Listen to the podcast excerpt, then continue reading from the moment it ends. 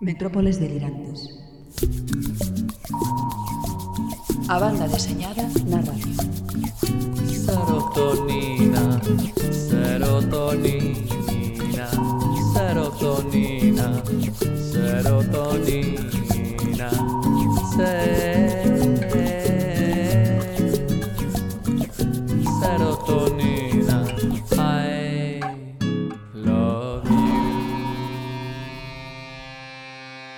Ola, son Nieve Rodríguez. Aquí comeza a 27ª emisión das Metrópoles Delirantes.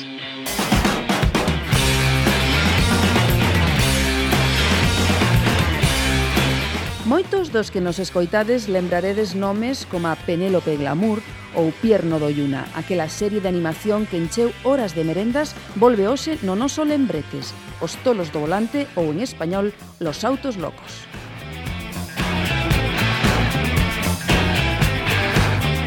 Nesta emisión enfundamos as luvas de boxeo e subimos o ring para entrevistar a Luis Bustos, o autor de Versus, unha das gratas sorpresas deste pasado ano na BD Hispana.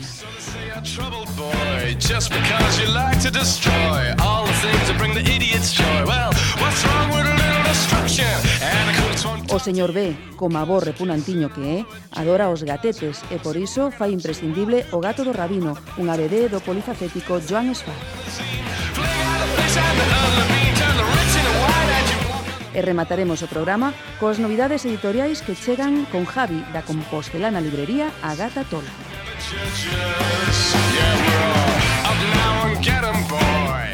O noso técnico Manolo Fidalgo xa largou a vela. Partimos xa.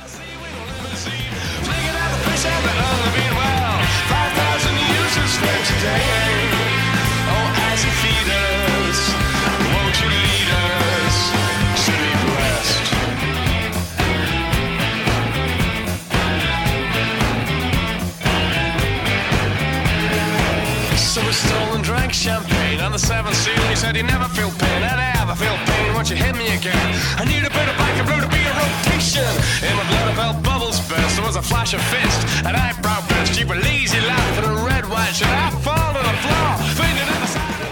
Radio Campus Culturae.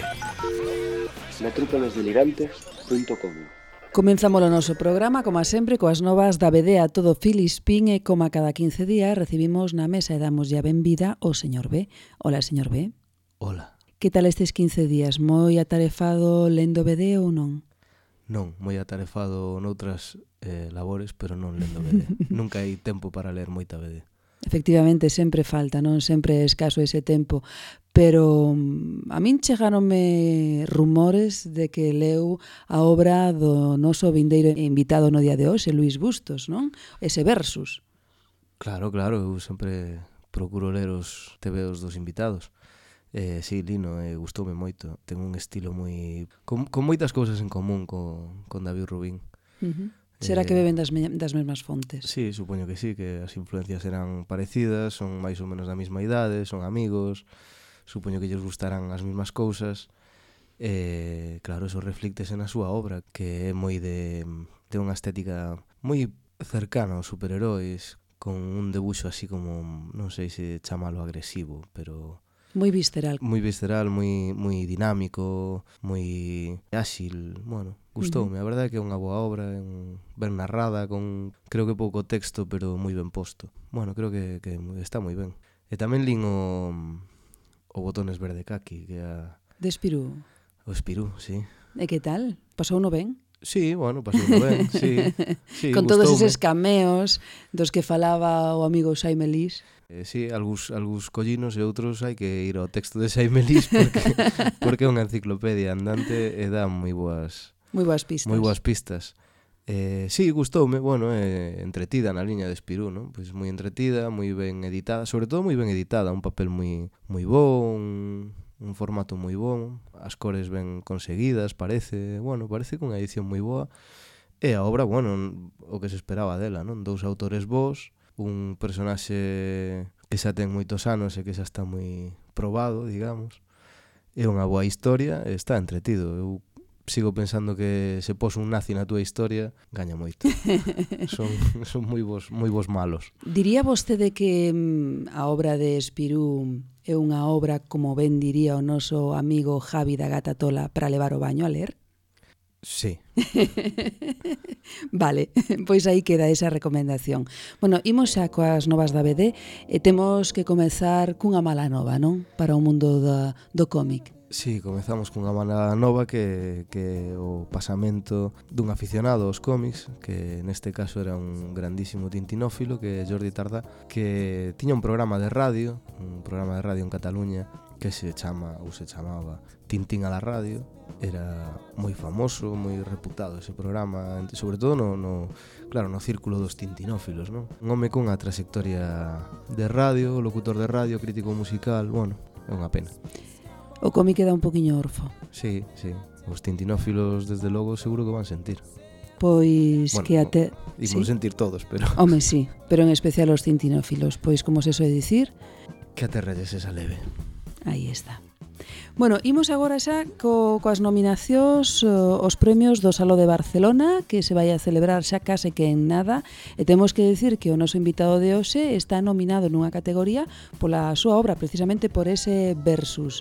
Eh, me parece que hai moitísimo nivel este ano, non? Sí, hai moito nivel. Luis Bustos, sí, efectivamente está nominado, xa estuvo nominado pola anterior por... Endurance. Endurance, e volva a estar nominado por este, sí. A verdade é que hai un nivel moi alto mm, claro, supoño que vamos medrando, non? Parece que a BD vai medrando en autores, en calidad, en edicións E en criterio? En editoras, en criterio Bueno, vai medrando un pouco en todo E sí, está, bueno, está Javier Di Susi con He visto ballenas Está Beltrán e Seguí con Historias del barrio Antonio Hitos con Inercia Cidru e la febre con la Mondain, Jaime Martín con las guerras silenciosas, Las meninas de Santiago García y Javier Olivares, Las oscuras manos del olvido de Hernández Cava e Seguí, Murderabilia de Álvaro Ortiz, Nosotros llegamos primero de Furillo, Versus de Luis Bustos e Yo asesino de Altarriba e Queco, que ademais vende engañar en Francia o premio da crítica, o sea que Bueno, a verdade que é un nivelón, é un non, non sei cal é o meu favorito aquí.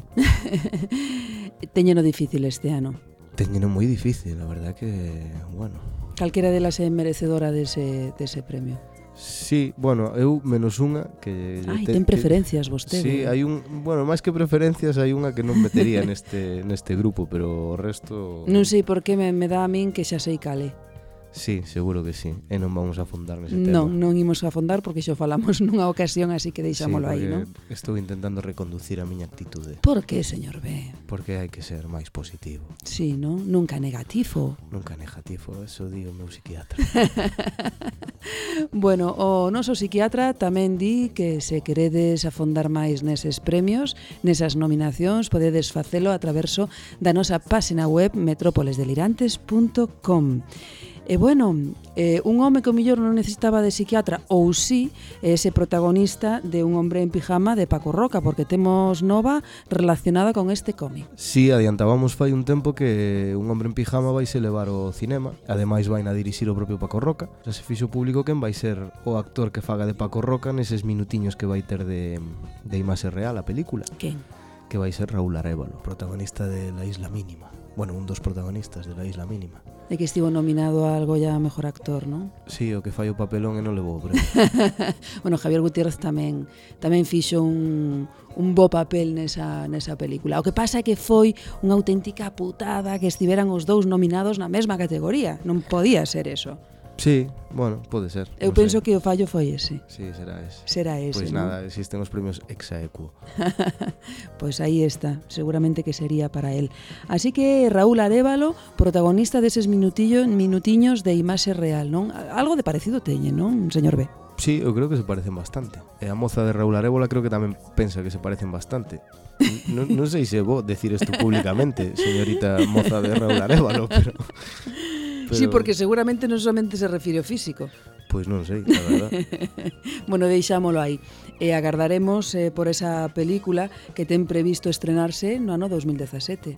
De todas formas, podemos yo preguntar a Paco Roca que vai estar esta vindeira semana en Pontevedra en Vigo, na librería Paz en Pontevedra o día 11 e na librería Banda Deseñada de Vigo o día 12. Así que eh, os que Sintan sí, curiosidade. Sí, os que sintan curiosidade e os que queiran ir a mercar vos tebeos e que seguramente os firme e eh, coñecer o autor, que é un, un tipo moi simpático que nos entrevistamos, se non lembro mal, no terceiro programa. Uh -huh. É, nada, é maravilloso. Unha persona moi agradable. Sí, sí fantástica. Bueno, pois pues aí queda esa cita para estes días eh, coa BD Nacional.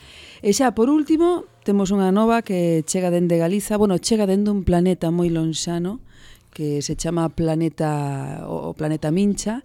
ese señor B, boas novas, non? Boas novas, por fin, o Destino Ergus, que é a novela gráfica do Planeta Mincha de Manel Cráneo, pois xa están no consulado do Planeta Mincha. En breve chegarán as casas dos que apoiamos ese crowdfunding para que fora posible.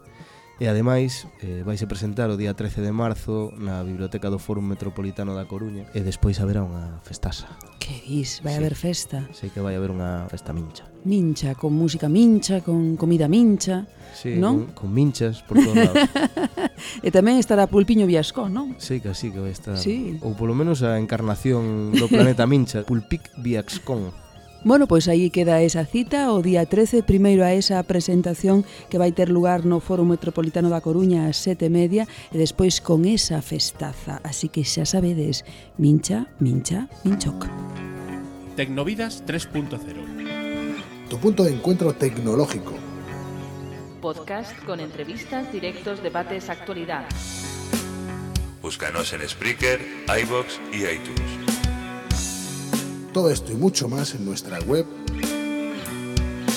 Tecnovidas30.es. Me echaron droga Delirante. en el colacao. Hoxe volven ás metrópoles os nosos lembretes. E fano cun clásico das series de animación que nos tiña pendentes da tele cando cativos na mentres papábamos a merenda. Malos malísimos, glamour, trogloditas e ata un can formaban parte da variedade máis delirante de personaxes que participaban da carreira máis tola do mundo. Falamos de Los Autos Locos. And now here they are, the most daredevil group of daffy drivers to ever whirl their wheels in the wacky races, competing for the title of the world's wackiest racers. Os Autos Locos foi unha serie de debuxos animados inspirada pola película A Carreira do Século do ano 1965 e producida por Hanna-Barbera no ano 1968. Os 34 capítulos foron o divertimento de moitos rapaces da época. Pat Pending in his converter car. Oh, and here's the lovely Penelope Pitstop, the glamour... Emitiuse originalmente na canle de televisión estadounidense CBS entre 1968 e 1970. And right on their tail is the Red Max. And there's the Arkansas Chugabug with Luke and Blubber Bear. Os autos locos consistían nunha serie de carreiras arredor dos Estados Unidos onde competían 11 estranos automóviles conducidos polos pilotos máis estrafalarios e na procura do título do piloto máis tolo do mundo.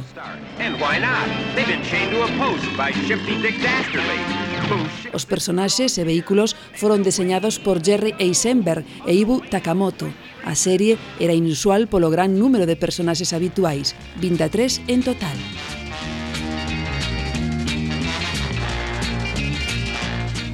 Pierro do Yuna e o seu secuaz, o Cadelo Patán, eran os verdadeiros protagonistas da serie. En todos os capítulos, no Doyuna lograba unha gran ventaxa, e entón, como a coyote nos debuxos animados do Correcaminos, levaba a cabo todo tipo de elaboradas estrataxemas para facer que os demais corredores caeran nas trampas, tomasen outros camiños, pinchasen ou tivesen que parar, só para ver como lle saía o tiro pola culata espectacularmente. Trampa! Que outra cosa pensaba? Mire, Moitos dos plans de Pierre son sospeitosamente parecidos aos usados en episodios do Correcaminos, feito que se debe a que Mike Maltese era guionista nas dúas series. E agora la pandilla va a la cabeza. El espantomóvil en segundo lugar.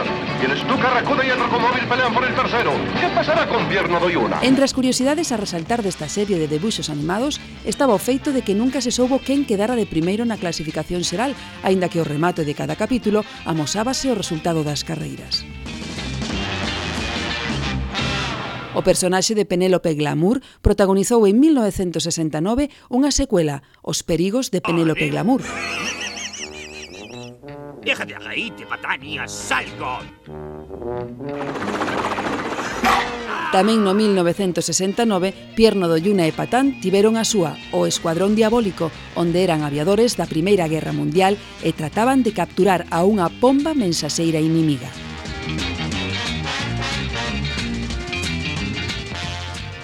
Os autos locos, posiblemente os debuxos máis delirantes da nosa infancia, un festín de golpes, caídas e estropicio na estrada onde a mala baba e as trampas estaban na orde do día e que nos brindaban non poucas horas de televisión. Y aquí están de nuevo, el más osado grupo de pilotos de carreras del mundo en sus autos locos, compitiendo en las carreras más peligrosamente divertidas de la historia. Ya se acercan a la línea de salida. En primer lugar viene Pedro Bello en su auto tempestuoso. Le siguen Brutus y Listus en su Troncoswagen. El Super Chatarra Special en tercer lugar. En cuarto, la antiguaya blindada guiada por Macio y sus pandilleros. Ahí va ese super cerebro, el profesor Lokovich en su auto convertible. Y ahí está la hermosa Penélope Glamour, la encantadora reina del volante. Le siguen los hermanos Bacana, Piedro y Rocco. Detrás de ellos viene el espantomóvil. Y enseguida el estuca rajudo del barón Hansfree. Con el número 8, el alambique veloz de Lucas y el oso miedoso. Oh, y ahora se acerca el Super Ferrari, conducido por ese par de malosos, Pierno Doyuna y su diabólico perro, Patán. Se preparan para la salida y... ¡Arrancan! ¿Pero qué los detiene? ¡Cielos! Han sido encadenados a un poste por el villano Pierno Doyuna. Que olvida quitar la reversa. Y ahora sí, arrancan los loquísimos autos locos. Chiamos en arroba metrópoles.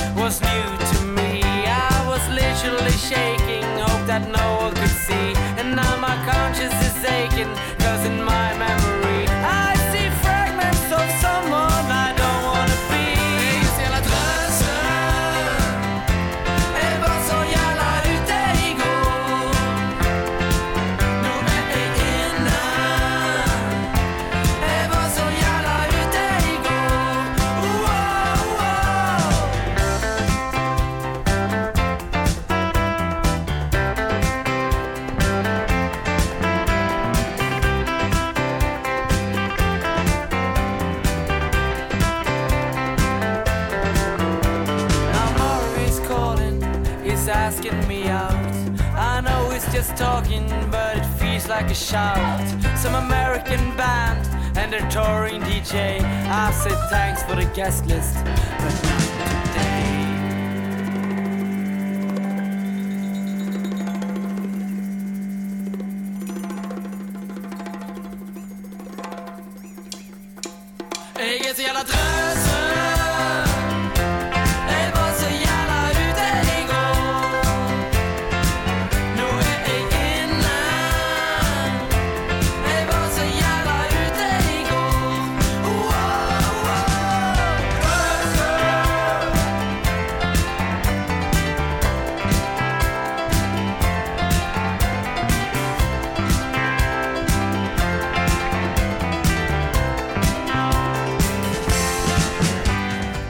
es la adaptación de un relato de Jack London en el que nos enfundamos los guantes de boxeo y encajamos unos cuantos de esos golpes que dan el hambre y la vida. Versus es una obra elogiada por la crítica y nominada en la categoría de mejor obra de autor español en los premios de la 33 edición del Salo de Barcelona.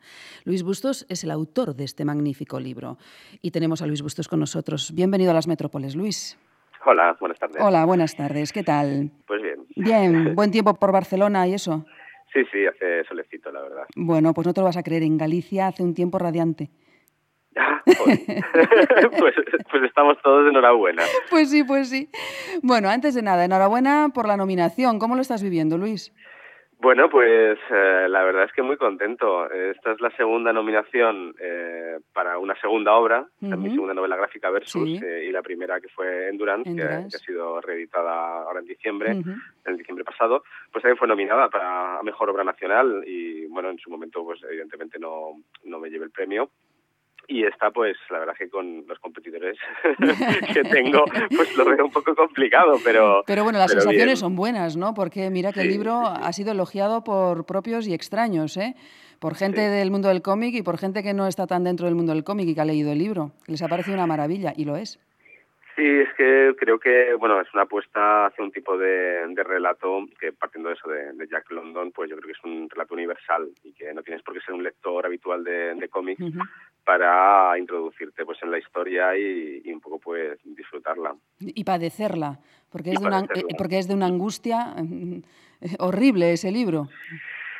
Sí, horrible también en el buen sentido. No, en el buen sentido, no, sí, sí, sí, que te mantiene la tensión durante todo el relato, claro, claro, que no baja en ningún momento y que llega, a mí me ha, me ha producido angustia en algún momento dado, ¿no? Sí, por el dibujo que, y, por, y por lo que quieres decir en él. El ritmo en el, en el libro es fundamental. Entonces, uh -huh. eh, de la misma manera que en Endurance eh, había un elemento muy positivo y muy eh, enaltecedor del espíritu y tal, en, en Versus eh, es eh, un machaque absoluto y, y, creo que es una, una lectura bastante intensa. Sí, sí. Es una lectura corta, pero muy intensa. Es un, es un puñetazo. Sí, sí, efectivamente, es así. Bueno, pero comencemos por el principio, que ya nos hemos saltado un montón de preguntas que tenía Venga. aquí ya por orden.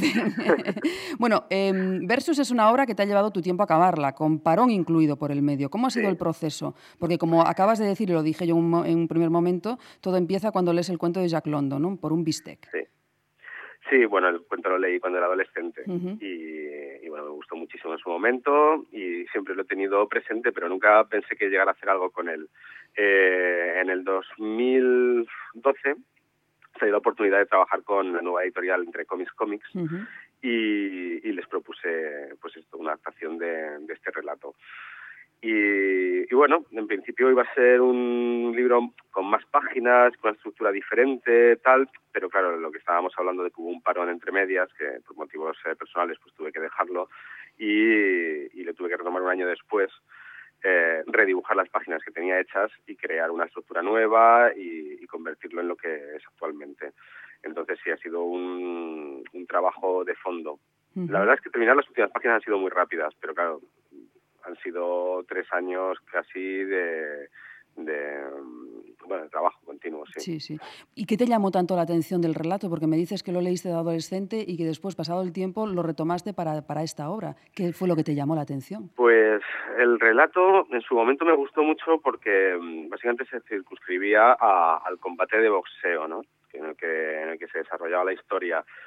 Y, y, estaba buscando, hace eso, hace unos años, estaba buscando una historia que, que pudiera continuar lo que, lo que representó Endurance, ¿no? Uh -huh. Y en este caso, pues bueno, pues ese tipo de historia de personaje duro, de personaje maduro que, que tiene que enfrentarse sin escapatoria posible a, a, a sus circunstancias eh, vitales y no sabe si va a salir vencedor o, o, va a salir derrotado, como le pasaba a Shackleton en, en Endurance, pues, eh, pues vi que, que, era perfecto, que encajaba muy bien. De hecho, no llegó a ser ni siquiera premeditado, pero luego me di cuenta que sí que había una serie de, de líneas eh, temáticas que, que, coincidían. Entonces, bueno, pues fue una cosa natural. Bueno, podríamos decir que esta es una historia de boxeo, pero de un boxeador, pero yo también lo veo como que el boxeo que es una metáfora para contar la historia de la eterna lucha que es vivir, ¿no? Sí, sí, sí. El boxeo siempre ha sido utilizado como, como un elemento en el que poder contar otro tipo de cosas. O sea, es un catalizador muy, muy efectivo para, para contar, pues, pues lo que es el, el, el alma humana, ¿no? En cierta Sí. forma. Porque pones a las personas en un momento muy extremo, en una situación muy, muy dura y, y- y ya te digo, puedes ver, o sea, cualquier persona, cualquier profesión eh, se puede ver reflejada en esta historia, Ujú. Sí, sí, sí, sí, sí. independientemente de que te interese el boxeo o no. No, no, pero sí, es, es extrapolable a cualquier ámbito de la vida y a cualquier profesión, es así. Sí, porque en el fondo está hablando de, de más bien de la vejez contra la juventud y, Ujú. y sobre el papel en el que te has colocado en el mundo, ¿no? Sí, sí. Y bueno, y de todas las hostias que recibe el tipo, de su mujer, de, de toda la carga que tiene y de toda la responsabilidad, ¿no? También es eso, ¿no? Sí, sí. Sí, señor. Bueno, a ti te gusta contar historias de personajes al límite, ¿no? Porque tanto en este Versus como en Endurance, tu obra anterior es así. Sí, es una de las par- una parte de mi, de mi carrera profesional, porque luego por otro lado me dedico al humor. Sí, sí, tengo una pregunta para preparada Jueves. para eso. Vale, pues luego, luego lo retomaremos. Pero sí que es cierto que, que a nivel mm, dramático eh, y, de, y en el formato pues más eh, moderno que es la novela gráfica, sí que me gustan este tipo de historias. Unas historias, eh, pues una carga dramática bastante más importante y, y personajes que es eso, que se enfrentan en un contexto extremo a, a una serie de retos, ¿no?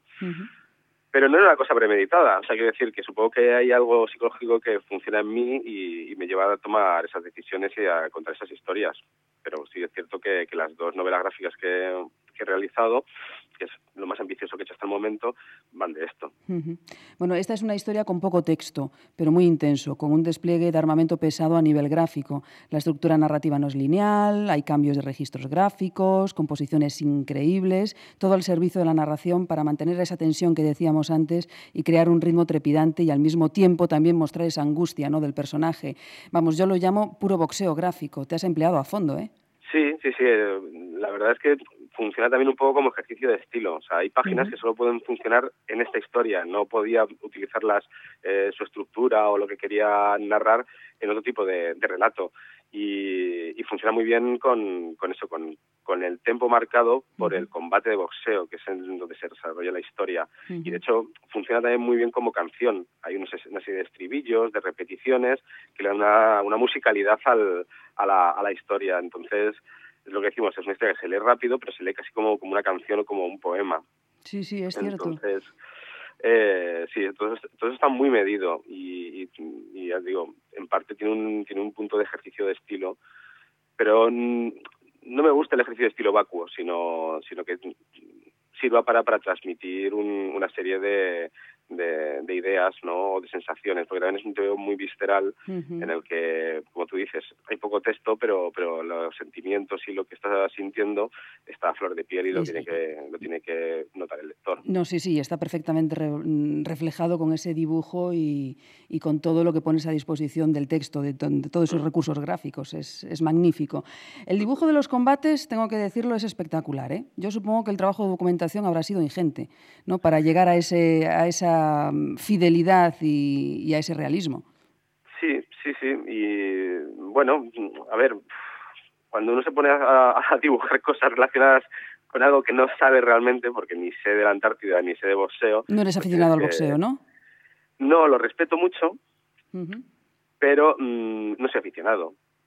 Pero bueno, claro, evidentemente tampoco he estado en la Antártida y, y, y solo he No, navegado bueno, una vez en mi vida. Pero, pero yo creo que es Entonces- más accesible o que es más real que tú seas aficionado al boxeo que que hayas ido a la Antártida. Digo, no, no sé. sí, me, me pilla más a mano, la Sí, verdad.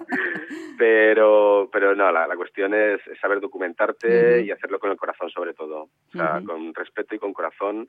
Y, y conozco gente que, que ha boxeado, que ha visto el libro, que le ha gustado mucho y que, y que ha visto que, que lo que está narrado ahí, pues pues refleja bien el, el- lo que es el espíritu, el ambiente de, de una- de un combate. Y eso ya con eso, pues, bueno, pues estoy contentísimo, claro. Hombre, claro. ¿Esta historia solo podía ser en blanco y negro, Luis? ¿O, o te planteaste darle color en algún momento? Bueno, en su momento hice unas pruebas, un par de páginas a color, pero solo por, por ver cómo quedaban. ¿Y qué? Pero no, no, o sea, me siento muy cómodo con el blanco y negro y además es un tipo de historia que además se desarrolla en 1915, 1920 y, mm, y creo que el blanco y negro juega, juega a su favor completamente. Eh, digo yo que las metáforas siguen en el empaquetado de la obra, hablando de metáforas, ¿no? que es toda una Sí. metáfora el libro. La portada, emulando a ese cartel de una velada de boxeo, el libro que es cuadrado como un ring, con esa textura rugosa y áspera, ¿no? como la historia que cuenta, toda la parte editorial muy cuidada, detalles que se cuidan especialmente en editoriales, digamos, más pequeñas, ¿no? como es esta, la de Entre Cómics. Sí, eh, la verdad es que yo mm, desde el momento en el que quise hacer la- esta historia sabía, sabía muy claro cómo iba a ser el formato y, y lo que quería transmitir. Y, y, de hecho incluso transmitir no a nivel visual sino también a nivel táctil.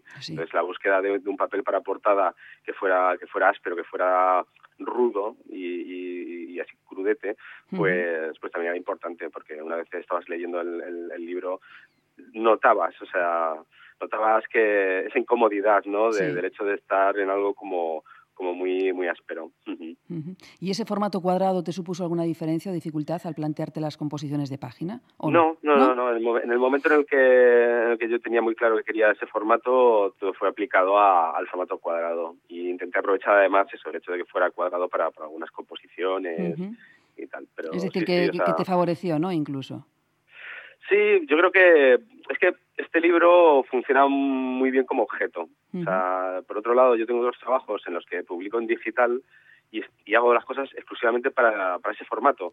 Pero este, yo entiendo que, que no se puede leer. Aquí la gente me ha pedido que, que se edite un- una edición en digital, ¿no? Para poder leerlas en- leerlo en tablets. Pero creo que se perdería la mitad de la experiencia. Sí, sí. Funciona muy bien, pues eso, todo ese diseño eh, aplicado a, de la misma manera que, que todos esos recursos gráficos están aplicados a contar una, una historia, contarla de una manera muy concreta, ese diseño y ese objeto que lo tienes entre las manos, pues está muy bien aplicado para, para producir una sensación que no, lo, no la puede producir otro, otro medio, en este Eh, caso el digital, ¿no? Efectivamente, sí, es así. Bueno, pues, pues, pues que no salga de aquí entonces, ¿eh? De, de este, de este formato de, de libro, como dices No, no tú, creo, que, es- no creo que salga nunca, porque, No, no. Porque creo que merece la pena tener el Sí, libro. sí. Merece muchísimo la pena. Bueno, y ahora la pregunta, que en tu faceta cómica, ¿cómo haces para mm, desprenderte de esa faceta de humor para emprender proyectos tan viscerales? A ver, cuéntanos, ¿te, te es cómodo, te es difícil? Eh, bueno, somos seres complejos, entonces eh, siempre se me ha dado bien el humor y lo que sí que me sorprende, sie- siempre me he considerado más humorista realmente que, que un narrador dramático y, y precisamente en Endurance cuando lo hice y en este caso Versus han sido retos eh, a la hora de, mm, de enfrentarme a historias más, más duras y, y más serias, entre comillas. No, lo veo, lo veo natural, o sea, cambio el chip y de una manera o de otra pues, pues saco el trabajo. Caramba, pues no, a mí se me antoja que no es fácil, no sé. No. Tú lo, lo comentas tan así alegremente que digo, hostia, debe Ya. ser fácil, concho. Hay gente que me dice, oye, yo nunca podré, sabría dibujar como tú y tal. Digo, ya, o sea, bueno, pues a mí me sale porque estoy trabajando en ello, pero, pero entiendo que, que hay- haya gente que piense, joder, es que esto es una filigrana, ¿no? De Claro, claro. cambiar de registro y tal. Sí, dado efectivamente. bien siempre. Ah, bueno, bueno, pues mira tú, multidisciplinar, sí señor, ahí estamos. Bueno. Bueno, me- yo te- tengo que hacerte una pregunta, es que mm, no puedo contenerme, vamos a ver. Eh, hemos comentado al principio de la entrevista que ha habido elogios por parte de todo el mundo hacia este versus, ¿no? Y uno de ellos fue David Rubín. David Rubín es un santo que nosotros procesionamos mucho en las metrópolis, le tenemos mucha devoción. Y lo que decíamos, que te ha elogiado públicamente en sus redes sociales, ha hablado maravillas de este versus, y digo yo que claro, ¿cómo no le va a gustar si parece que tomáis decisiones muy parejas, ¿no? A la hora de, abordar el aspecto gráfico, ¿no? Sí, a ver, mm, tanto Rubín como yo tenemos unos referentes comunes. Nos gustan una serie de, de autores que, mm, que luego pues aplicamos en, en nuestro dibujo y, y aparte que Rubín es amigo y nos conocemos y cuando viene a Barcelona pues nos echamos las cañas que sean pertinentes y tal. Y yo sabía que, por ejemplo, a él le iba a gustar mucho este, libro porque porque está muy en su tono. Sí, sí. Pero precisamente por eso, porque manejamos las mismas referencias. Jack Kirby, Paul Pop, Hombre. o sea, mm, vaya, básicamente... Visitáis lugares estamos- comunes entonces en el Sí, cómic, sí, sí, claro. Sí, sí, sí. Entonces tenía que salir por ahí, claro que sí. Ahí Claro. estamos. Bueno. bueno, y a principios de año saltaba el notición de tu colaboración con Santiago García para construir juntos ese García, un Sí. proyecto de este guionista parado en su día y que ahora se va a hacer realidad. Eh, Santiago ha dicho que en este 2015 saldrán dos entregas con Astiberri. ¿Va a ser así? ¿En qué fase estáis? Bueno, estamos en la fase de, de realización de dibujo. El guion está terminado y, y bueno, pues eh, saldrán dos partes. Ah, La historia de García era un álbum, pero ahora saldrá en, en dos partes porque son muchísimas páginas. Una- es un proyecto muy ambicioso que va a llevar mucho tiempo, pero claro, eh, tengo que entregarlo relativamente pronto y ahí estoy. Estoy a saco con, con las páginas.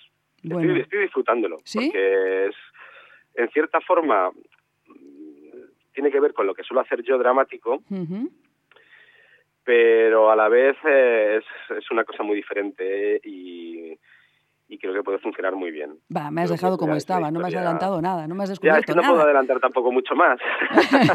Va a ser en blanco y dejarlo- negro, va a ser en color, a ver, Va a, nada. ser, va a ser en blanco y negro, aunque algunas páginas irán en bitono y tal. Ah, vale. Y, y bueno, digamos que puede ser una especie de thriller eh, eh, político. Vale, bien, perfecto. Hasta ahí puedo leer, ¿no? Thriller político. bueno, y, y sigo redundando lo mismo, porque dices tú que es un trabajo que, que va a llevar tiempo y eso. En este 2015 veremos algo, sí, ¿no? Es decir, esas Sí, sí, dos sí, entregas sí. que decía Santiago ver, van a ser mm, realidad. Vaya, si no, Astiberri me manda unos sicarios a casa, ¿eh? O sea, vaya, tiene que salir sí o sí. está palabrado, está firmado y de hecho es, es nuestra intención absoluta porque porque bueno, tiene que salir además por, por el momento convulso en el que estamos ahora mismo en España y tal, Sí. y creo que puede, puede estar muy bien. Bueno, cosa bueno. Como García. Bueno, pues entonces esperaremos como agua de mayo a esa entrega de Espero- García. Espero que os guste. Hombre, pues, hombre, si va en la línea de, de Versus, nos va a encantar seguro. Porque... Yo solo sé que Santiago está muy contento. ¿Sí? Hombre, pues Sí, eso ya es una garantía, ¿no? las páginas, Sí. eh, está viendo que, que es un proyecto que había, había tenido que dejar en el cajón porque, porque se había quedado ahí eternamente, se había alargado demasiado y ahora está viendo que, que ya está cogiendo una forma que... Sí, sí, está ilusionado está entonces. mucho. Sí, sí. Sí, ¿no? ¿Es exigente Santiago García? Es exigente, pero, pero es flexible, es, es muy buen guionista. Y los buenos guionistas son gente que, que partiendo de su, de su texto saben adaptarse al, al dibujante. Al dibujante, ¿no? Porque cada dibujante tiene, tiene su tono y, y cada uno pues flojea o, o, o- o es fuerte en, en ciertos en cierto tipo de páginas, ¿no? Y él sabe perfectamente calcular eso. Así que Bueno, es muy buen guionista. Es la primera vez que, con- que, que trabajas así a medias, ¿no? Con un, Sí, sí, sí, teníamos muchas ganas de trabajar juntos, pero nunca se había dado el caso. Entonces, eh, yo ya había trabajado con otros guionistas, tenía otro, había sacado otros libros y tal, pero, pero bueno, He vuelto otra vez a, después de, de mis aventuras como, como autor completo, Ujú. pues este García lo comparto con, con Santiago. Bueno, pues nosotros estaremos esperando, como decíamos, como agua de mayo, esa primera entrega de García. Luis, muchísimas gracias. Que tengas muchísima suerte en el salón y que te lleves de calle el premio mm, en, en Barcelona. Bueno, a ver si, a ver si suertecilla. A ver, a ver, a ver si hay suerte. Desde aquí, desde Galicia, empujaremos y mandaremos toda nuestra energía positiva para que sea así. Muy bien, muchas gracias. ¿eh? Luis, muchísimas gracias. Un, Un abrazo. abrazo. Chao, chao.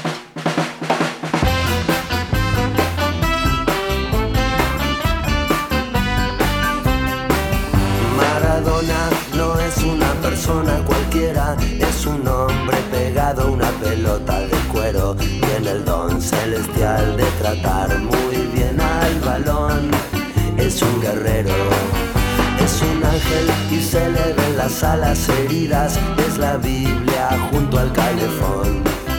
Tiene un guante blanco calzado en el pie del lado del corazón. No me importa en qué lío se meta Maradona, es mi amigo y es una gran persona. De boca que me regaló alguna vez. Diego Armando, te estamos esperando que vuelvas, siempre te vamos a querer. Por las alegrías que le das al pueblo y por tu arte también.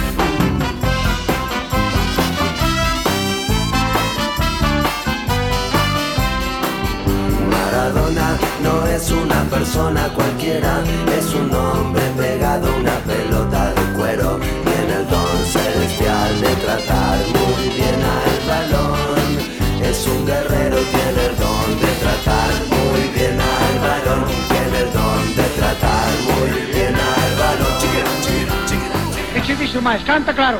Canta claro que che dixo. Dixo que me fendía la cona en 100 mil pedazos. Delirante. O señor B é un pouco felino, de movimentos elegantes e carácter impredecible. Quizás por esa razón, o seu imprescindible ten como a personaxe principal a un gato con certa sorna que podería ser o gato do cura de Forcarei. Mais non, é o gato dun rabino que un bo día deixa de ser un micho normal para comenzar a falar despois de ter papado o loro do seu amo. A partir dese momento, a súa vida gatuna troca e adica o seu tempo a cuestionar a fe do seu rabino e a veracidade dos textos escritos.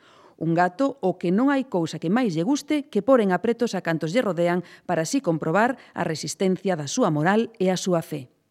O señor B desta volta fai imprescindible este relato sobre o xudaísmo e os límites da relixión baixo nome de El gato del rabino, creado por un dos autores máis afamados e respetados de Europa, Joan Sfar. Llevo la vida de un animal. Me va fatal. Me digo a mí mismo que no es verdad. Es verdad.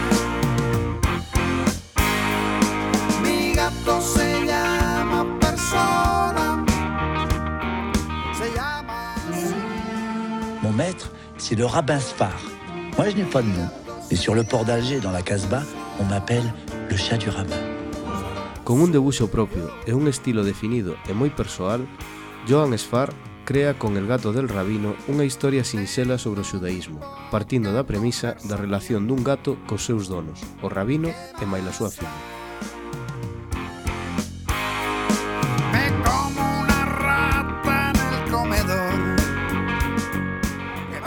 O Micho conquire o don de falar, despois de papar o loro da casa. A través deste novedoso enfoque, Esfar afonda durante os cinco números que conforman esta serie no tema religioso, nos seus preceptos e leixes, e contra todo pronóstico, sale totalmente indemne.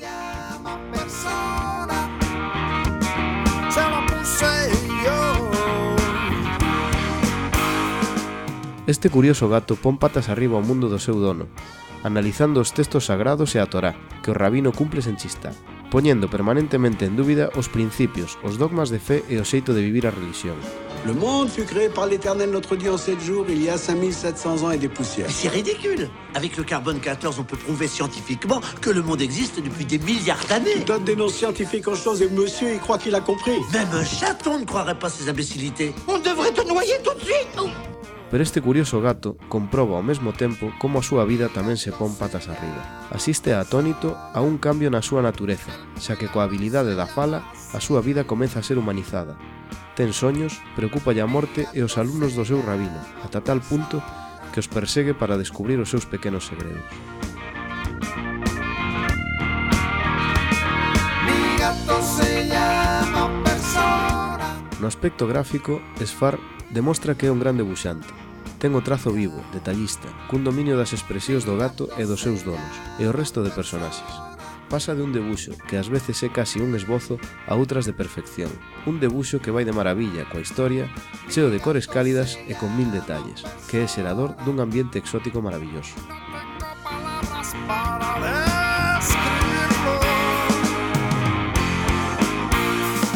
El gato del rabino foi levado ao cinema, unha cinta de animación dirixida por Antoine Delevaux e o propio Sfar, que acadou varios premios e nominacións como ao César a mellor película de animación no ano 2011. Hé, les amis Quand le monde m'aura fini, je pourrais faire ma bar mitzvah, moi aussi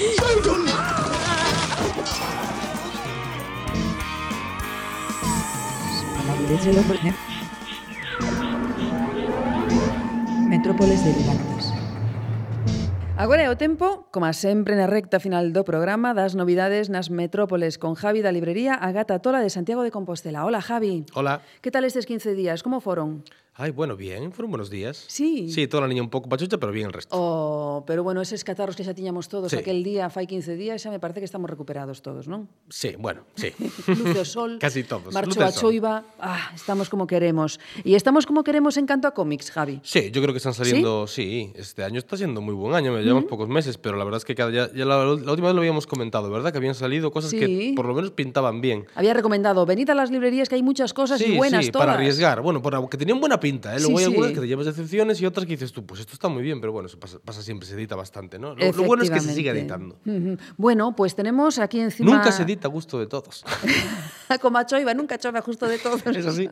Tamén é certo. Bueno, temos un, dous, tres, catro, cinco novidades en riba da mesa. Por cal empezamos? Comezamos por el, el árabe del futuro, Premio Angulem, xa que estivo aí Angulem hai pouco. Vale, que, que che bien. pareceu este Bueno, el árabe, árabe del, futuro? de esto no debe ser francés, así que lo puedo intentar pronunciar yo. A Riyad Satuf. Bueno, Sat sí, Satuf. Satuf. Satuf. Eh, non sei se árabe ou, ou, ou francés, pero danos Bueno, igual. padre creo que del mundo árabe era el padre, no me preguntes ahora de qué país, que no me acuerdo. La madre es- sé que es francesa. Bueno, pues el, el hombre este, eh, aquí ya lo, ya lo conocemos, eh, en España ya se le editó la, mm, la vida secreta de los jóvenes en dos volúmenes de La Cúpula, que bueno, es la, la página que hacen el Charlie Hebdo. En- Tú en lo el- pronuncias mejor. El Charlie Hebdo. Charlie, ah, mira, pues yo también pronuncio en el Charlie Hebdo, ¿no?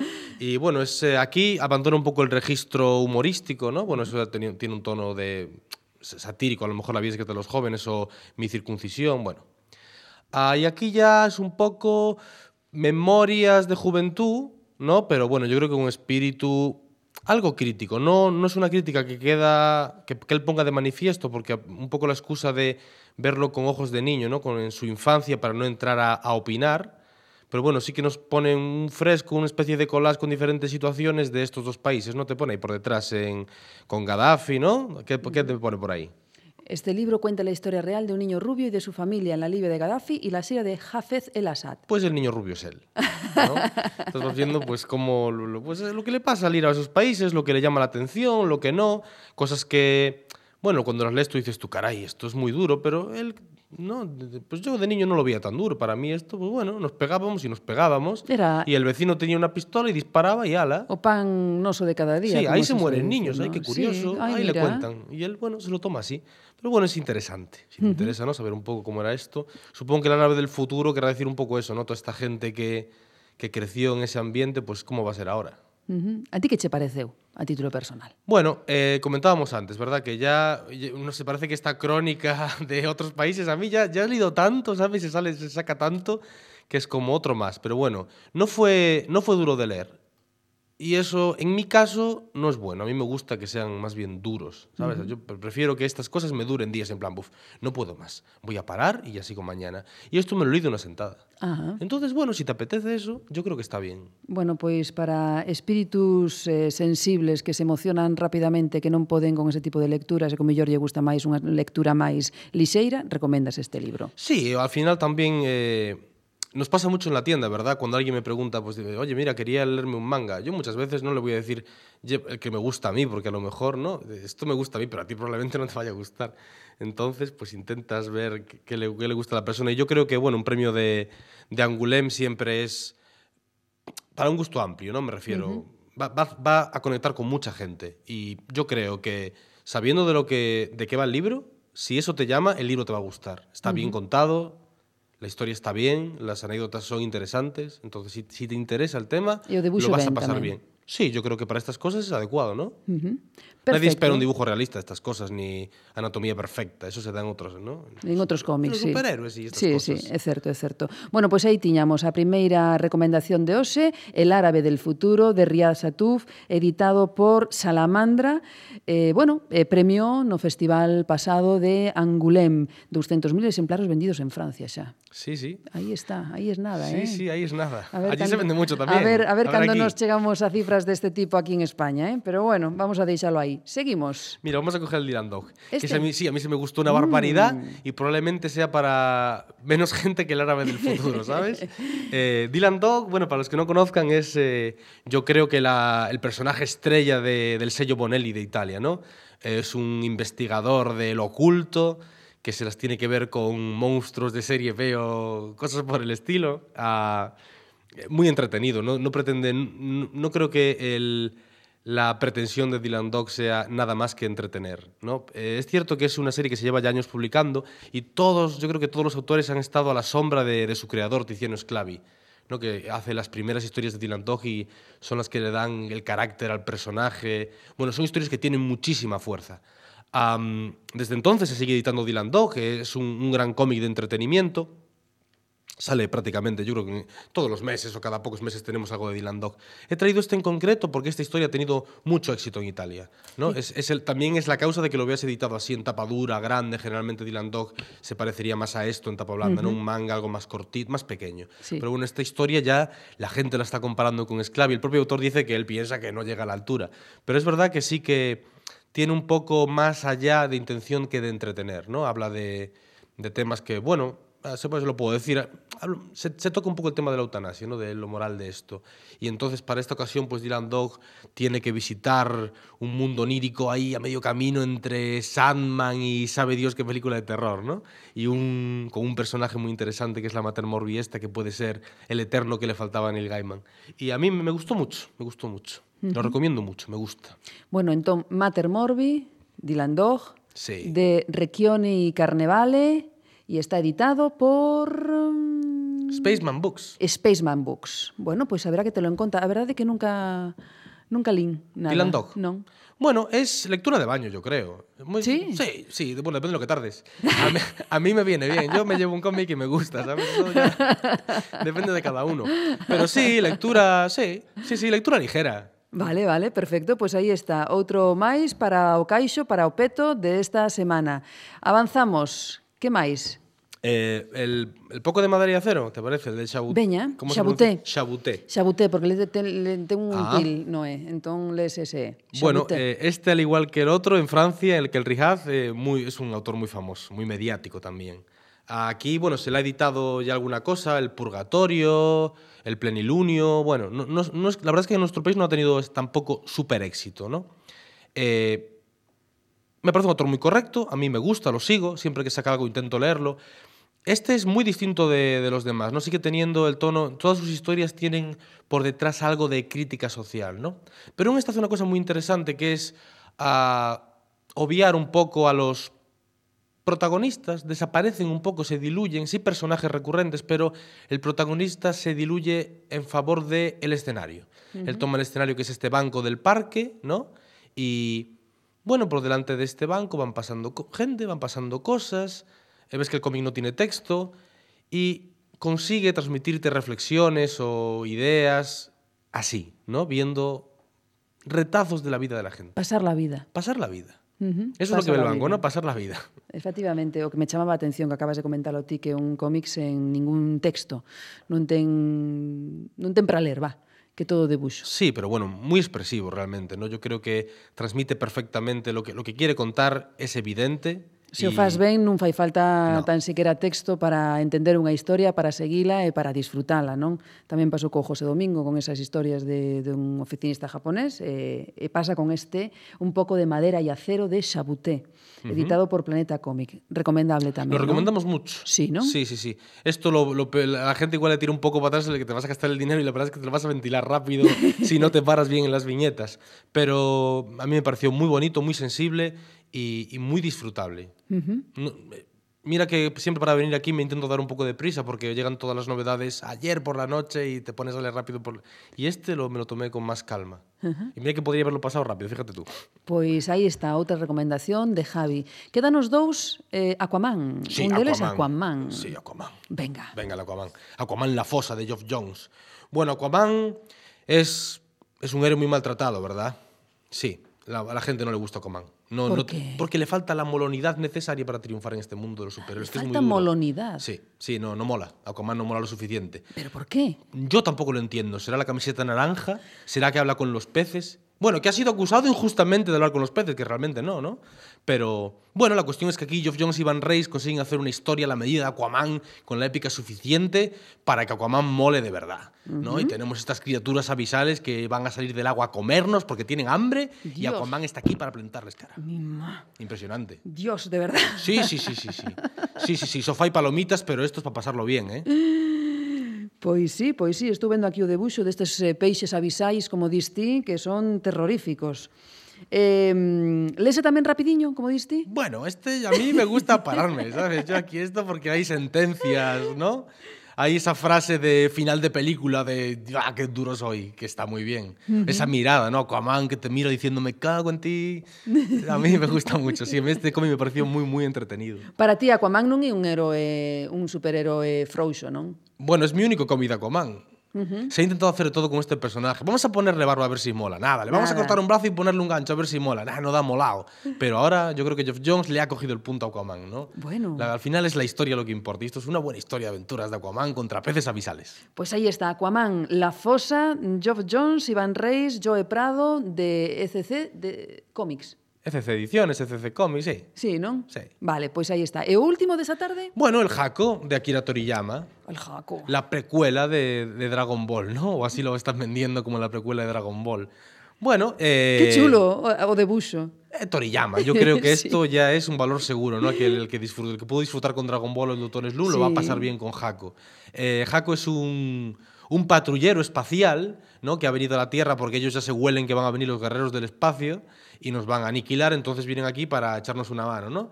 Lo que trae Jaco es un virus que va a acabar con toda la vida en la Tierra de los humanos y así ya no hay problema. Ya no Caramba. nos peleamos con los tal, ¿no?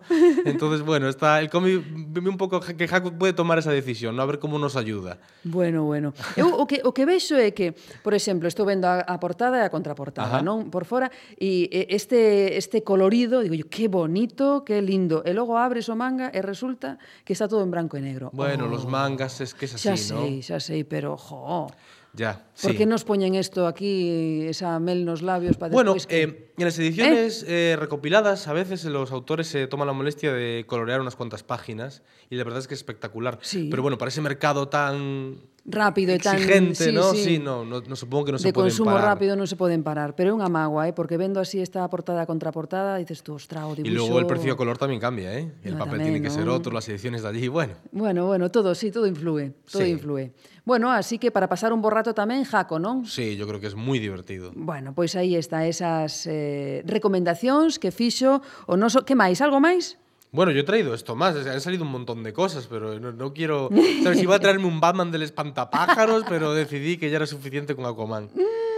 bueno, pois deixámolo para a vindeira ocasión. Venga, vale, Javi? Sí, claro. Moitísimas gracias a disfrutar deste solete tan espectacular que estamos disfrutando en Galicia. Sí, gracias a ti. Veña, felices 15 días. Que yo noté que durmiera muchas horas, imposible que yo duermo muy pocas horas. Delirante. Nunca dormí más. Chegamos á liña de meta desta emisión subidos en estranos bólidos, pilotados por tolos sen escrúpulos, os autos locos, unha das series de animación máis populares e que todos recoñecemos por unha especial maneira de rir. Fixémoslle unha entrevista a Luis Bustos, que, como aos vos boxeadores, sabe bailar para esquivar os golpes e, cando ten oportunidade, solta un potente directo en forma de libro. O seu versus é un dos cómics máis aclamados dos últimos tempos. No imprescindible, un gato sarcástico, con facultades tan humanas como o falar e tan divinas como a ironía, unha BD estupenda de Joan Esfar, un artista multidisciplinar e un dos máis importantes da riquísima BD Gala. E rematamos coa sección de novidades, co único home que memoriza unha frase de Jodorowsky cada día.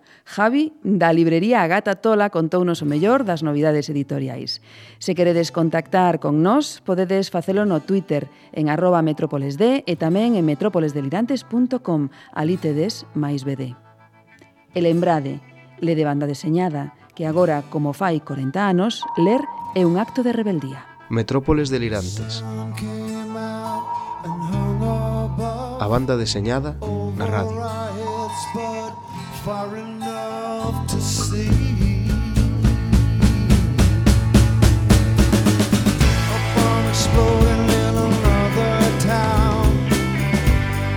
choking on a poison cloud. While on the streets where lovers once walked, side by side in idle talk. Bullets fall like unholy rain. Eh? People change as the panic sets in.